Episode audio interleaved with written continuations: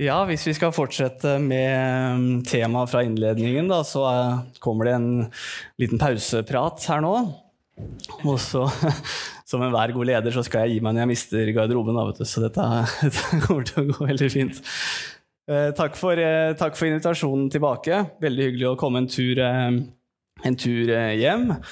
I likhet med barna som fikk Bibelen nå, så har jeg også fått det på den plattformen her. Jeg var ti år gammel, jeg, da. Vi fikk en uh, lysestakebibel, som vi, som vi kaller det. Uh, det var ikke så mye uh, bilder og kommentarer i de den gangen. Det begynner jo å bli et kvarter siden. Men jeg har hatt mye, gode, mye glede av den, og har den fremdeles. En av få jeg har tatt vare på, signert av Per Mikkelsen, som sto i arbeidet den, den gangen.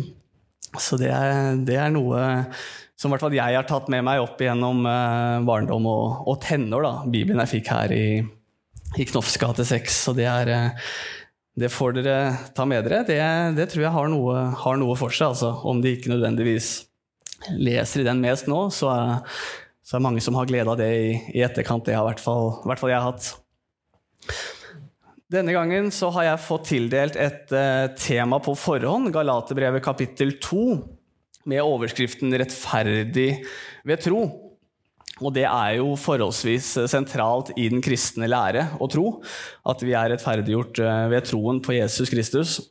Og alle dere som har vært på møter eh, i noen år, dere har hørt det før, og dere kan det veldig godt.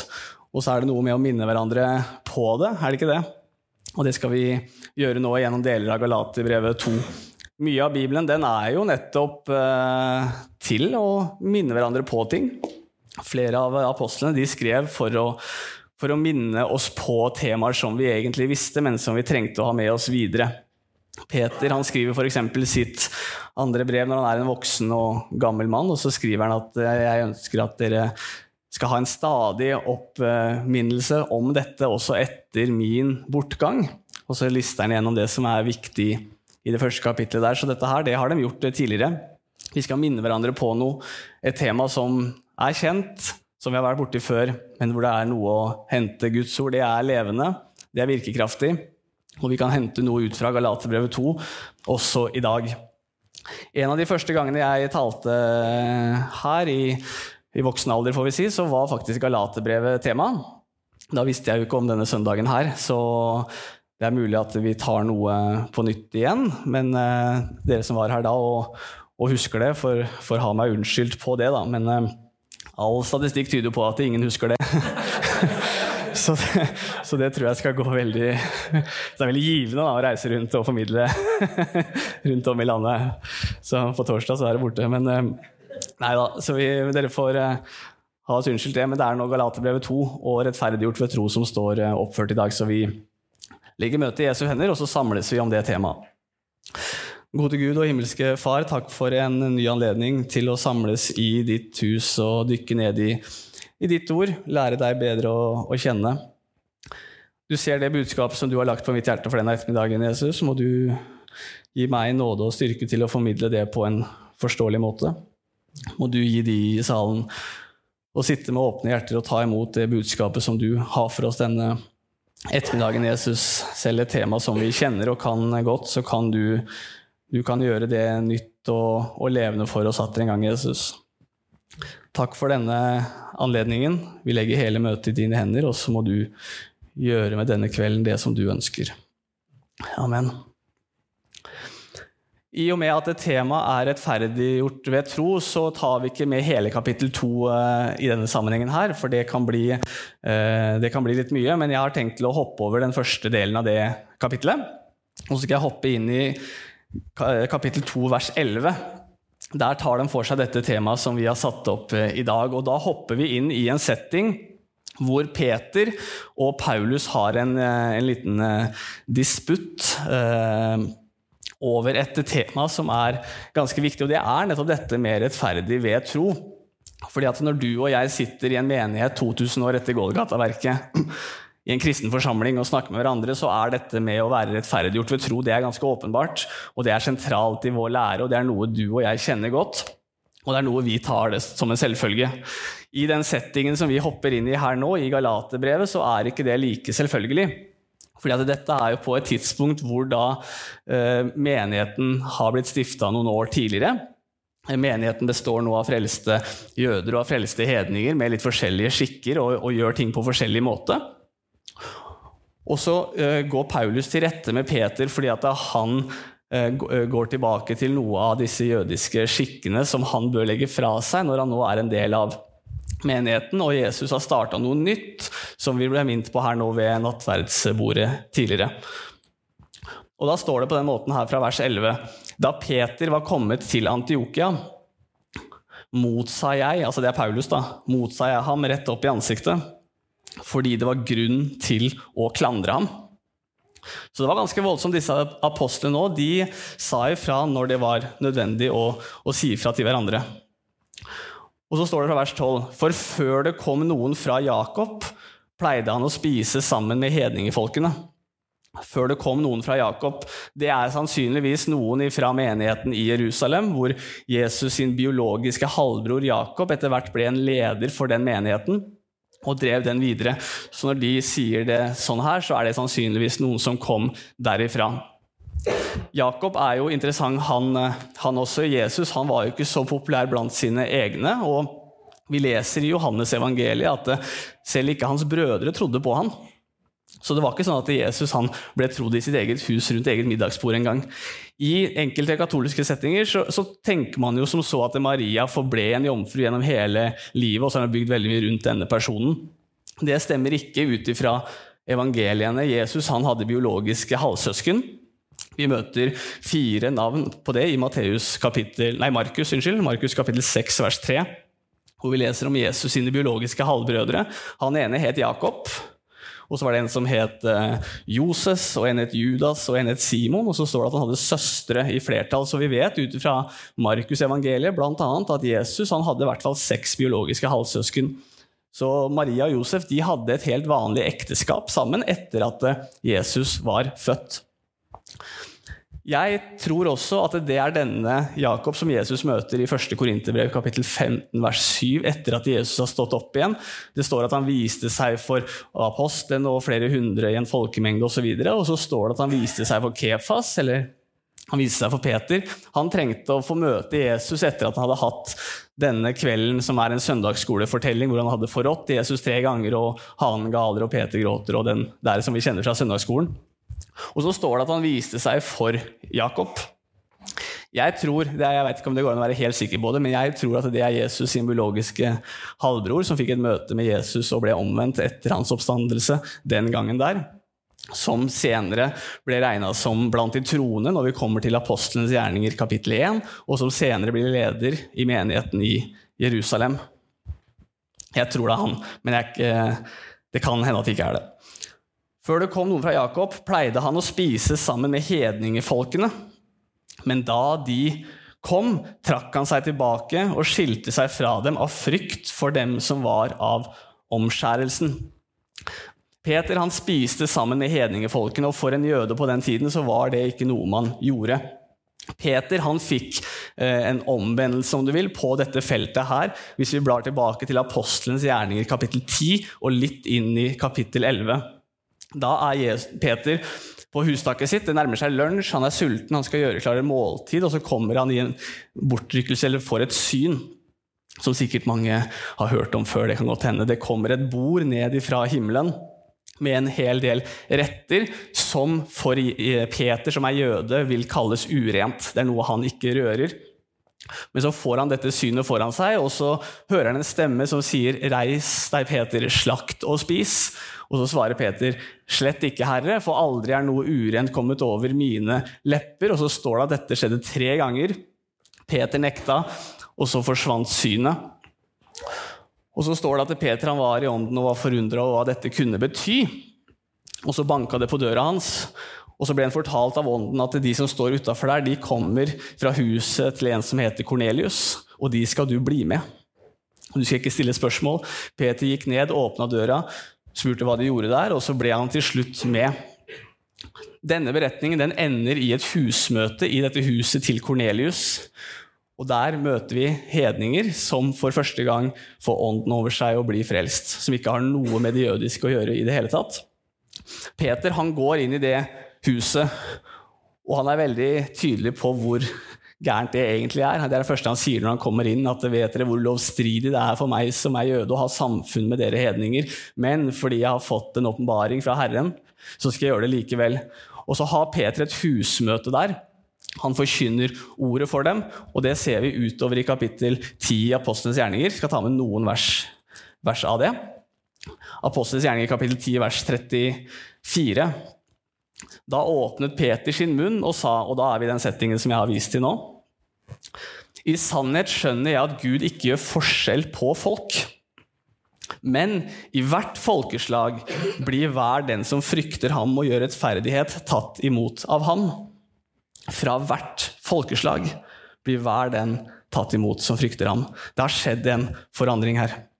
Og så står det i vers 36.: Ordet som Gud sendte til Israels barn for å forkynne fred ved Jesus Kristus, han er alles herre. Det ordet kjenner dere. Dette ordet nådde utover hele Judea. Det begynte i Galilea etter den dåpen Johannes forkynte. Hvordan Gud salvet Jesus fra Nasaret med Den hellige ånd og med kraft, han som gikk omkring og gjorde godt og helbredet alle som var undertrykt av djevelen, for Gud var med ham. Og vi er vitner om alt han gjorde både i jødenes land og i Jerusalem, han som de drepte ved å henge på et tre. Han oppreiste Gud på den tredje dag og lot han vise seg åpenlyst ikke for hele folket, men for de vitnene som på forhånd var utvalgt av Gud for oss, vi som spiste og drakk sammen med ham etter at han sto opp fra de døde. Og han påla også å forkynne for folket og å vitne at det er han som er Gud, han som av Gud er bestemt til å være dommer over levende og døde. Og så vers 43 til slutt. Om ham vitner alle profetene at hver den som tror på ham, skal få syndenes tilgivelse ved hans navn står Peter i et hus med hedninger og forkynner denne dagen. Vers 43 syns jeg er sentralt og viktig. Om han, altså om Jesus, vitner alle profetene. Det gamle testamentets skrifter, de som så frem imot den frelse som var tilveiebrakt av Gud, de pekte mot Jesus alle sammen, og at hver den som tror på han skal få syndenes tilgivelse ved hans navn. Jesus skulle komme for alle mennesker. Ikke bare for jødene, ikke bare for Israel, som står sentralt i Det gamle testamentet. Men han skulle komme for alle sammen. Og profetene de pekte mot det. Peter måtte overbevises om det, og noe av det skjedde i Kornelius sitt hus. For videre i den beretningen så står det at mens Peter ennå talte disse ordene, så falt Den hellige ånd på alle dem som hørte ordet. Tenk deg det møtet. Alle som hørte ordet, så falt Den hellige ånd på de. Og Peter ble litt forundra. Og for å ta det veldig kort, Han kom tilbake til Jerusalem og ble, måtte stå skolerett for sine der. Fortalte hva som hadde skjedd. Og Så ble de stille og æret Gud og sa så har altså Gud også gitt hedningefolkene omvendelse til livet. Så det skjedde noe nytt, som vi hørte i stad da Jesus kom på banen. Det skulle gå over, og så skulle det gjelde alle. så det skulle komme en ny pakt, det skulle komme noe nytt. Og så skulle mennesker bli rettferdiggjort ved tro på Han som kom, og retta opp i det som gikk galt i Edens hage, helt tilbake i starten av Bibelen. Og så blir han sendt av Gud for å rette opp i det gale, og så er det åpent for alle mennesker å bli frelst og ta imot ham. Det lærte Peter her, og det er derfor han satt med hedningefolkene som vi leser om her. Derfor satt han med dem. Han hadde fått en overbevisning om at her var det noe nytt på gang. Men så kom det noe i Peters liv som vi kaller for menneskefrykt i våre, i våre dager. Da han så de som kom fra Jerusalem, sannsynligvis det vi kaller judaister, folk som hadde tatt imot Jesus, men som var veldig loviske, veldig strikte. Og så sa de at ja, frelsen i Jesus og tro på han, det er en veldig god start, men du må bli omskjært, du må følge Moselov, du må gjøre ditt og datt for å holde tritt, liksom. Så når han så de dukka opp, så trakk han seg vekk for å ikke miste ansikt i den settingen. Og det er derfor Paulus er gæren på Peter i disse versene her, og det forklarer han. Og med noe av den bakgrunnen så tror jeg vi ser det enda litt bedre. Og så står det de andre jødene hyklet også sammen med ham, slik at til og med Barnabas ble revet med av hykleriet deres. Men da jeg så at de, ikke, at de ikke gikk rett fram etter evangeliets sannhet, Paulus han var beinhard. Altså. Han var veldig tydelig på det han trodde på, veldig tydelig på det budskapet han hadde. Vi leser mye godt om Paulus, og, og vi setter han veldig høyt, og det skal vi for all del gjøre. Men han var tydelig når ting ikke var som det skulle. De gikk ikke rett fram etter evangeliets sannhet. De tok inn noe fra sida som ikke hørte hjemme der, og da sa Paulus ifra, selv til Peter. Men da jeg så at de ikke gikk rett frem etter evangeliets sannhet, sa jeg til Peter foran alle sammen Så han tok det ikke på kammerset heller. Så han tok det ute på torget der. Hvis du som er jøde, lever på hedensk vis Altså, Han spiste sammen med hedningene. Han hadde ikke disse matforskriftene lenger. Han var fri fra det, og så var han en, en kristen, som vi ville kalt det, en messiansk jøde, og, og, holdt ikke det lenger. Så står det hvis du som er jøde og lever på hedensk vis, sånn som, vi, sånn som andre gjør, og ikke på jødisk, som du ved å trekke deg vekk prøver å si at du egentlig skal gjøre når det passer best, så er det, Hvorfor tvinger du da hedningene til å leve på jødisk vis? Paulus sier det at ved å trekke deg vekk fra dem og ikke ville ha samfunn med dem, så lever du egentlig på jødisk vis når det passer best, og så lever du på hedensk vis når det passer best, og så prøver du å ha én fot i hver leir. Dette sier han foran alle sammen, og sier han det må du slutte med, Peter. Sånn skal det ikke være. Og Så kommer det et interessant vers. Da kommer han inn i vers 15, og så sier Paulus til Peter ikke til oss i Drammen i dag. Vi kan ta det til oss. Men det er ikke til oss, men det er fra Paulus til Peter. Så står det her Visst er vi av naturen jøder, sier han. Hva betyr det, da? Vi tilhører det jødiske folket. Jeg og du er jøder, Peter. Vi er vokst opp i det. Det er det som er vår identitet. Av naturen så er vi det. Og ikke syndere av hedningefolk. Og så tror jeg han trekker linjene inn i romerbrevet, som jeg skal tillate å ta med noen vers på, bare for å få sammenhengen her. Paulus har skrevet romerbrevet også, et mektig kapittel, eller brev, det også. I Romerne kapittel 2, vers 17, så skriver han Se, du som kalles jøde, og som setter din lit til loven. Det var det de i stor grad gjorde. De satte sin lit til loven. Israelsfolket fikk lovens pakt av Gud ved Sinai fjell ute i ørkenen etter utgangen fra Egypt. Da er vi inne i 2. Mosebok kapittel 19 og 20 og utover der. Så fikk de lovens pakt. De fikk til og med tilbudet først. Og så sier de at alt det Gud har befalt, det vil vi gjøre. Og så kjenner vi loven best som de ti bud, ikke sant? 2. Mosebok kapittel 20. Men så er det også mye mer til dette her, og israelsfolket levde etter det i større eller mindre grad opp gjennom årene. De satte sin lit til loven. Det var det de stolte på. Jeg er frelst og rettferdig for Gud fordi jeg holder loven. De holdt ikke hele loven, men de holdt deler av den. Det gjør jo folk i våre dager også i enkelte settinger. Holder deler av loven. Og hvis noe er greit å holde, hvis noe fungerer for deg, hvis det hjelper deg på en eller annen måte, så for all del, vær så god, kjør på. Men det er ikke det som avgjør hvordan Gud ser på deg. Det som avgjør hvordan Gud ser på deg, det er forholdet du har til Jesus Kristus. Han som ga sitt liv for deg og meg. Det er det hjerteforholdet der som er avgjørende for om du er Guds barn eller ikke. Det er det som avgjør en dag. Det er det livet som vi kan leve her nede på jorda. Ikke om vi holder forskrifter og den type ting. Og dette her, det vet dere jo, men du ser at til og med apostlene måtte liksom ta dette her flere runder for å komme i mål på det. Det er det hjerteforholdet med Jesus som avgjør. Og hvis det hjelper deg å ha rutiner på bønn og Bibel, ja, men så gjør det. Kjempebra. Kjør på. Ta det når det passer deg. Hvis det hjelper deg å gjøre andre ting som for andre kan virke litt slavisk og strikt, men så gjør noe for all del det. Men ikke bruk det til å rose deg overfor andre og si at ja, jeg, jeg gjør det. Jeg, jeg, skjønner om ikke du gjør det, altså. For all del. Det er ikke lett. Men jeg, jeg, får til det. Ikke, ikke, ta den, ikke, ta den, tonen der. Ha hjerteforholdet til Jesus, og så lever du med han, og, og hvordan det passer, og så har andre sine ting. Men ikke sett din liv til loven. Det var det de gjorde. Og roser deg i Gud. Ikke bare satte dem sin lit til loven og det skrevne ord, men de roste seg av det også, fordi de var flinke til å få det til.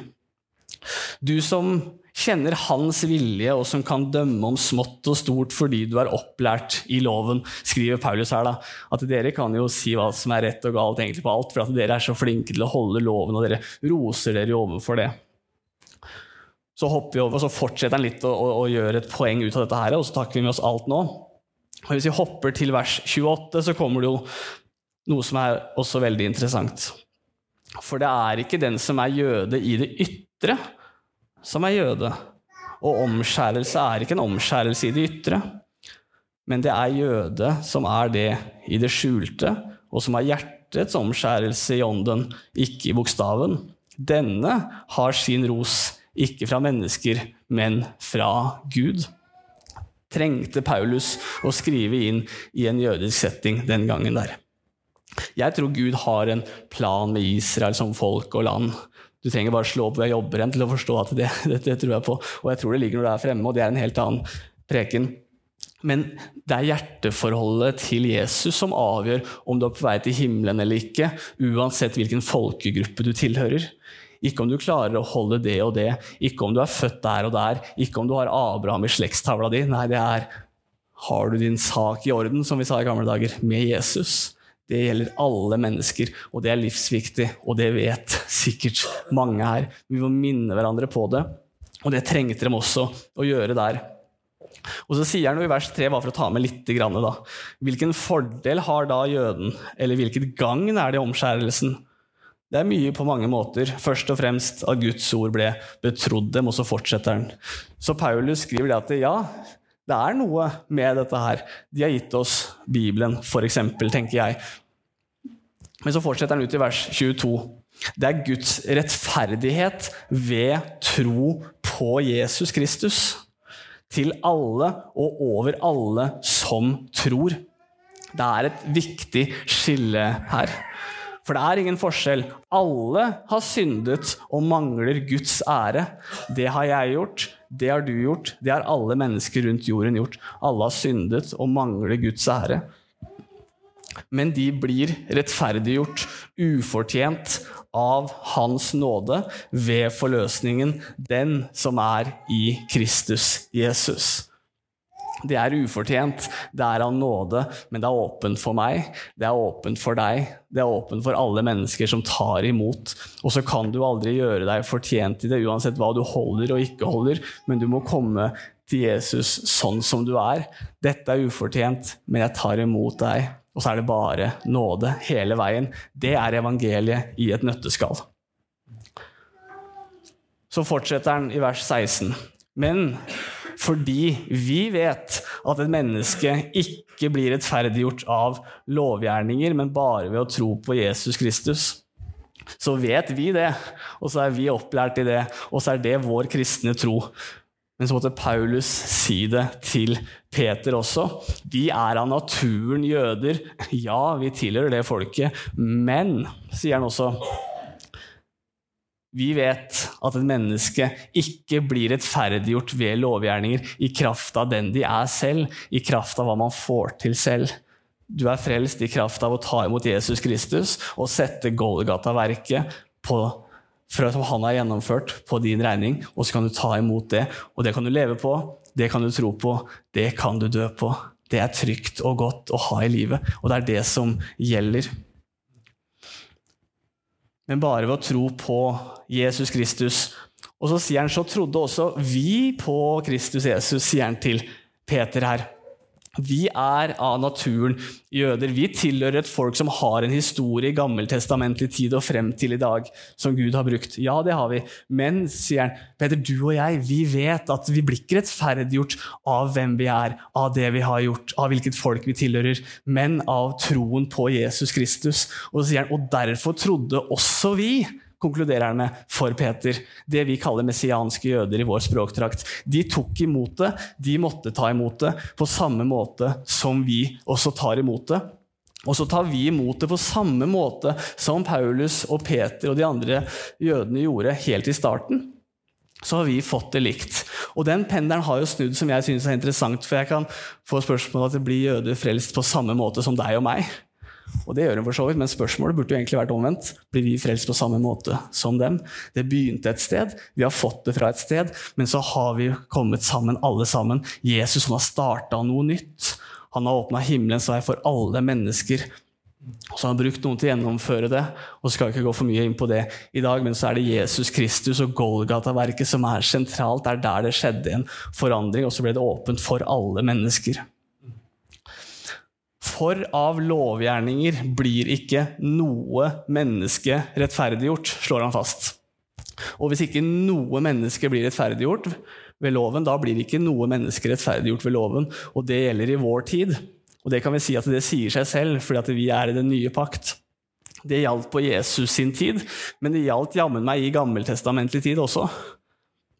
Vi kan bla helt tilbake til Abraham, første Mosebok, kapittel 15, vers 6. Det må du huske på. Men i kapittel 15 så, har, så oppretter Gud en pakt med Abraham, og så skjer det mye spennende rundt der som vi skal la ligge nå. Men i første Mosebok kapittel 15 vers 6 så leser vi Abraham trodde Gud, og det ble regnet ham til rettferdighet. Det gjaldt for Abraham også. Og så kom omskjærelsen etterpå, som Paulus gjør et poeng av i et annet brev. Så kom omskjærelsen, og så kom alt det andre. Men Abraham han trodde Gud, og det ble regnet ham til rettferdighet. Så når jeg skal hjem til himmelen en dag og så skal jeg møte Abraham der, så er ikke det fordi at Gud møtte ham på den måten han gjorde. Det er ikke fordi han ble omskjært, det er ikke fordi han ble far til Isak, det er ikke fordi han gjorde det og det. Det er fordi han trodde Gud, og så ble det regnet han til rettferdighet. Og det ser vi er frelsens vei gjennom hele Det gamle testamentet. Og det er det han ønsker å fortelle oss gjennom bibelhistorien. Det er ikke noe menneske som blir rettferdiggjort ved lovgjerninger. Det gjelder gjennom hele tiden. Vi får et slags parallellkapittel på en måte hvis vi hadde hoppa til Efeserbrevet. Jeg skal bare ta med litt for å se at dette er noe som Paulus egentlig banker fast over alle stedene hvor han er, ikke bare i Galatia, men også når han er i Efesos. Efeserbrevet kapittel 3 vers 4.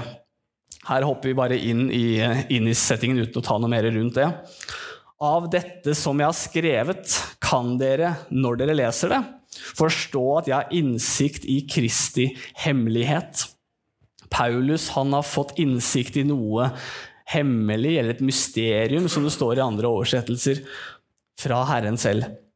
Dette mysteriet ble ikke gjort kjent for menneskenes barn i tidligere slekter, altså i gammeltestamentlig tid, om du vil, da. slik det nå, ved Ånden, er blitt åpenbart for Hans hellige apostler og profeter. Vi leste i stad at apostlene har skrevet om Jesus, og, og, og, det gjorde de, men de visste nok ikke helt selv alt de skrev om.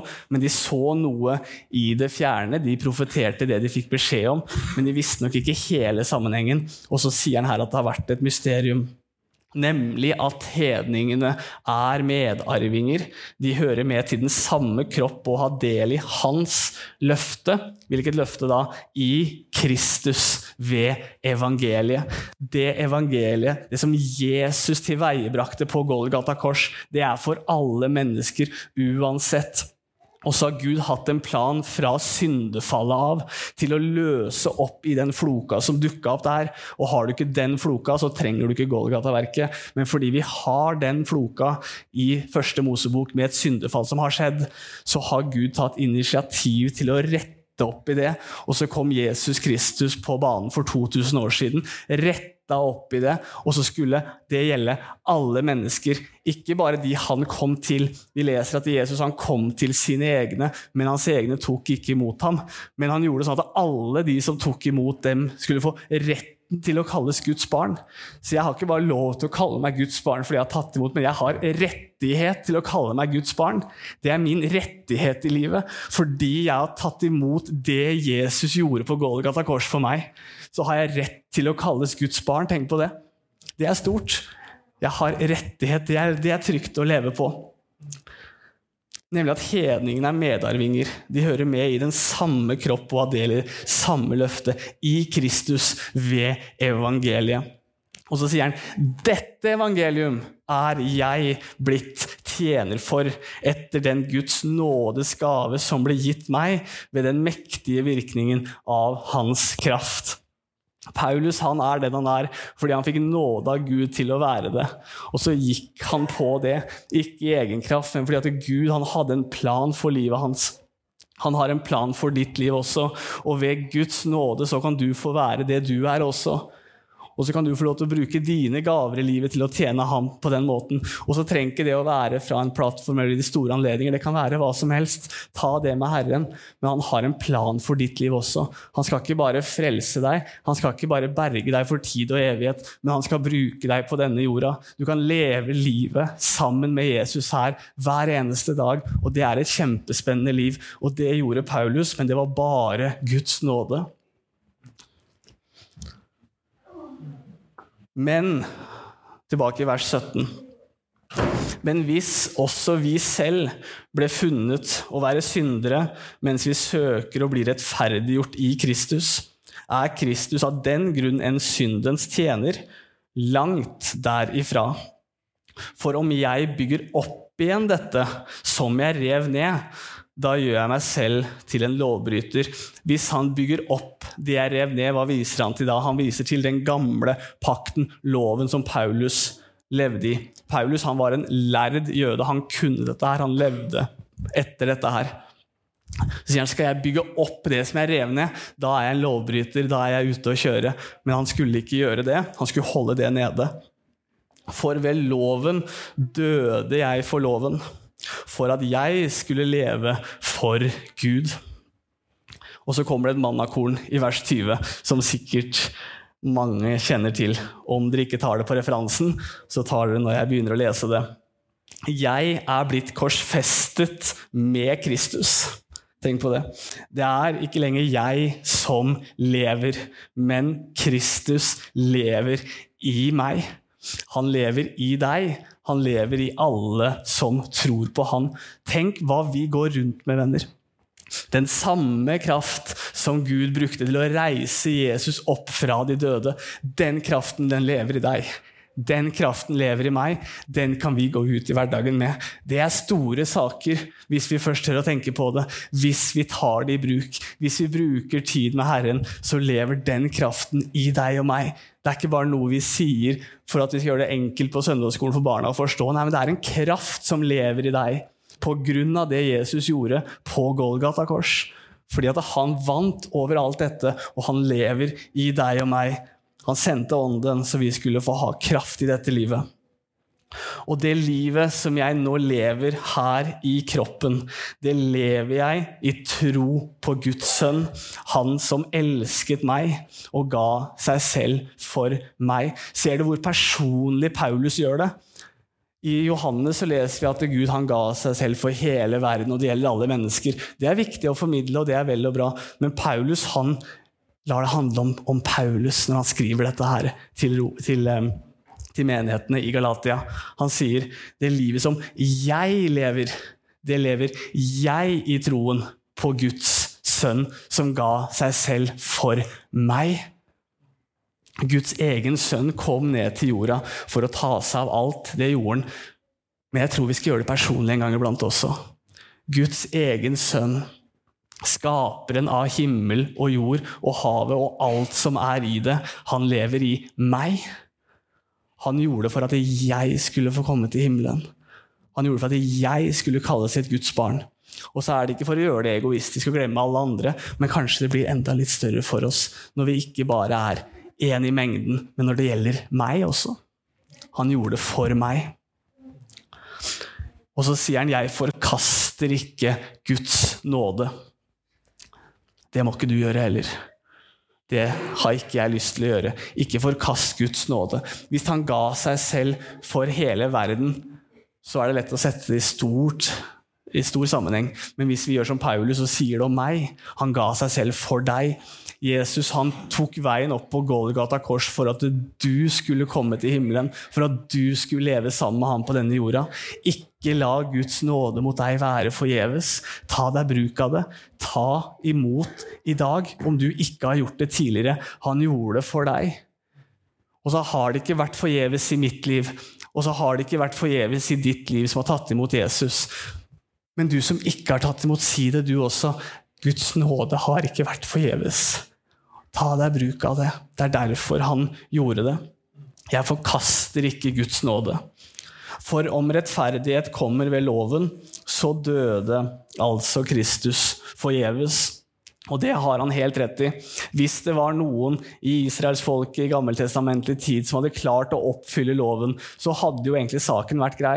For da hadde de som var flinke nok, vært verdig himmelen. Og de som ikke var flinke nok, nei vel, dere ga det et forsøk, men dere klarte det ikke. Da hadde jo egentlig saken vært grei. Men så ble loven gitt, og det ser vi andre steder i Bibelen, gitt for å lede oss til korset. Det skulle vise oss at det er helt håpløst. Det skulle vise oss at du har ikke sjans. Vi trenger noen til å gjøre dette for deg. Og Så møter vi Jesus Kristus i evangeliene, og så kom han ikke for å slette ut loven og sette strek og sa dette blei voldsomt, vi gjør noe nytt. Han kom for å oppfylle loven. Og så levde Jesus det livet som krevdes fra en hellig og ren Gud for å være himmelen verdig, og så setter han det på din og min regning hvis vi ønsker det, fordi vi er relatert til ham. Han kom for deg og meg, og så kan vi ta det med oss. Ikke la det være forgjeves. Det sitter mange her som kan dette, og som vet det, og som lever med Jesus hver dag, og det takker jeg Gud for. Men kanskje sitter det en som ikke gjør det. Ikke la Golgata-verket være forgjeves. Han gjorde det for deg. Ja, han gjorde det for hele verden. Han gjorde det for deg. Ta din sjanse på det i dag. Du kommer aldri til å klare det på egen hånd. Du kommer aldri til å leve opp til det loven krever. Og nå ville det i hvert fall vært meningsløst, for nå har Jesus gjort det allerede. Ta heller imot den nye pakt som vi feirer av en nattverdsbord i dag. Det var den nye pakt i Jesu blod. Det er kanskje et merkelig uttrykk hvis du ikke er kjent med det, men i Jesu blod. Det er viktig. Blodsutgytelse har vært viktig teologisk i Bibelen gjennom alle tider. Vi leser i tredje Mosebok kapittel 17, tror jeg. Liten klype salt, tror jeg kapittel 17 om presten der. Og hvor de, hvor de, skriver om at eh, uten blodsutgytelse så er det ikke tilgivelse for synder, fordi at eh, kjødets sjel ligger i blodet. Og det var derfor jødene ikke drakk eh, blod, blant annet. Det ligger noe i blodet, så kanskje det med Jesu blod er et merkelig begrep hvis du ikke er kjent med det, men det er teologisk viktig. Det er det som kreves for at det skal være tilgivelse for synder. Det må være blodsutgytelse til. Det er derfor de ofra ofra i gamle testamentlig tid. Det er derfor Jesus kalles Guds lam. Og Det er derfor han ga sitt liv, ga sitt blod på Golgata kors. For at det skulle være den nye pakt som vi kunne ta imot i vårt liv.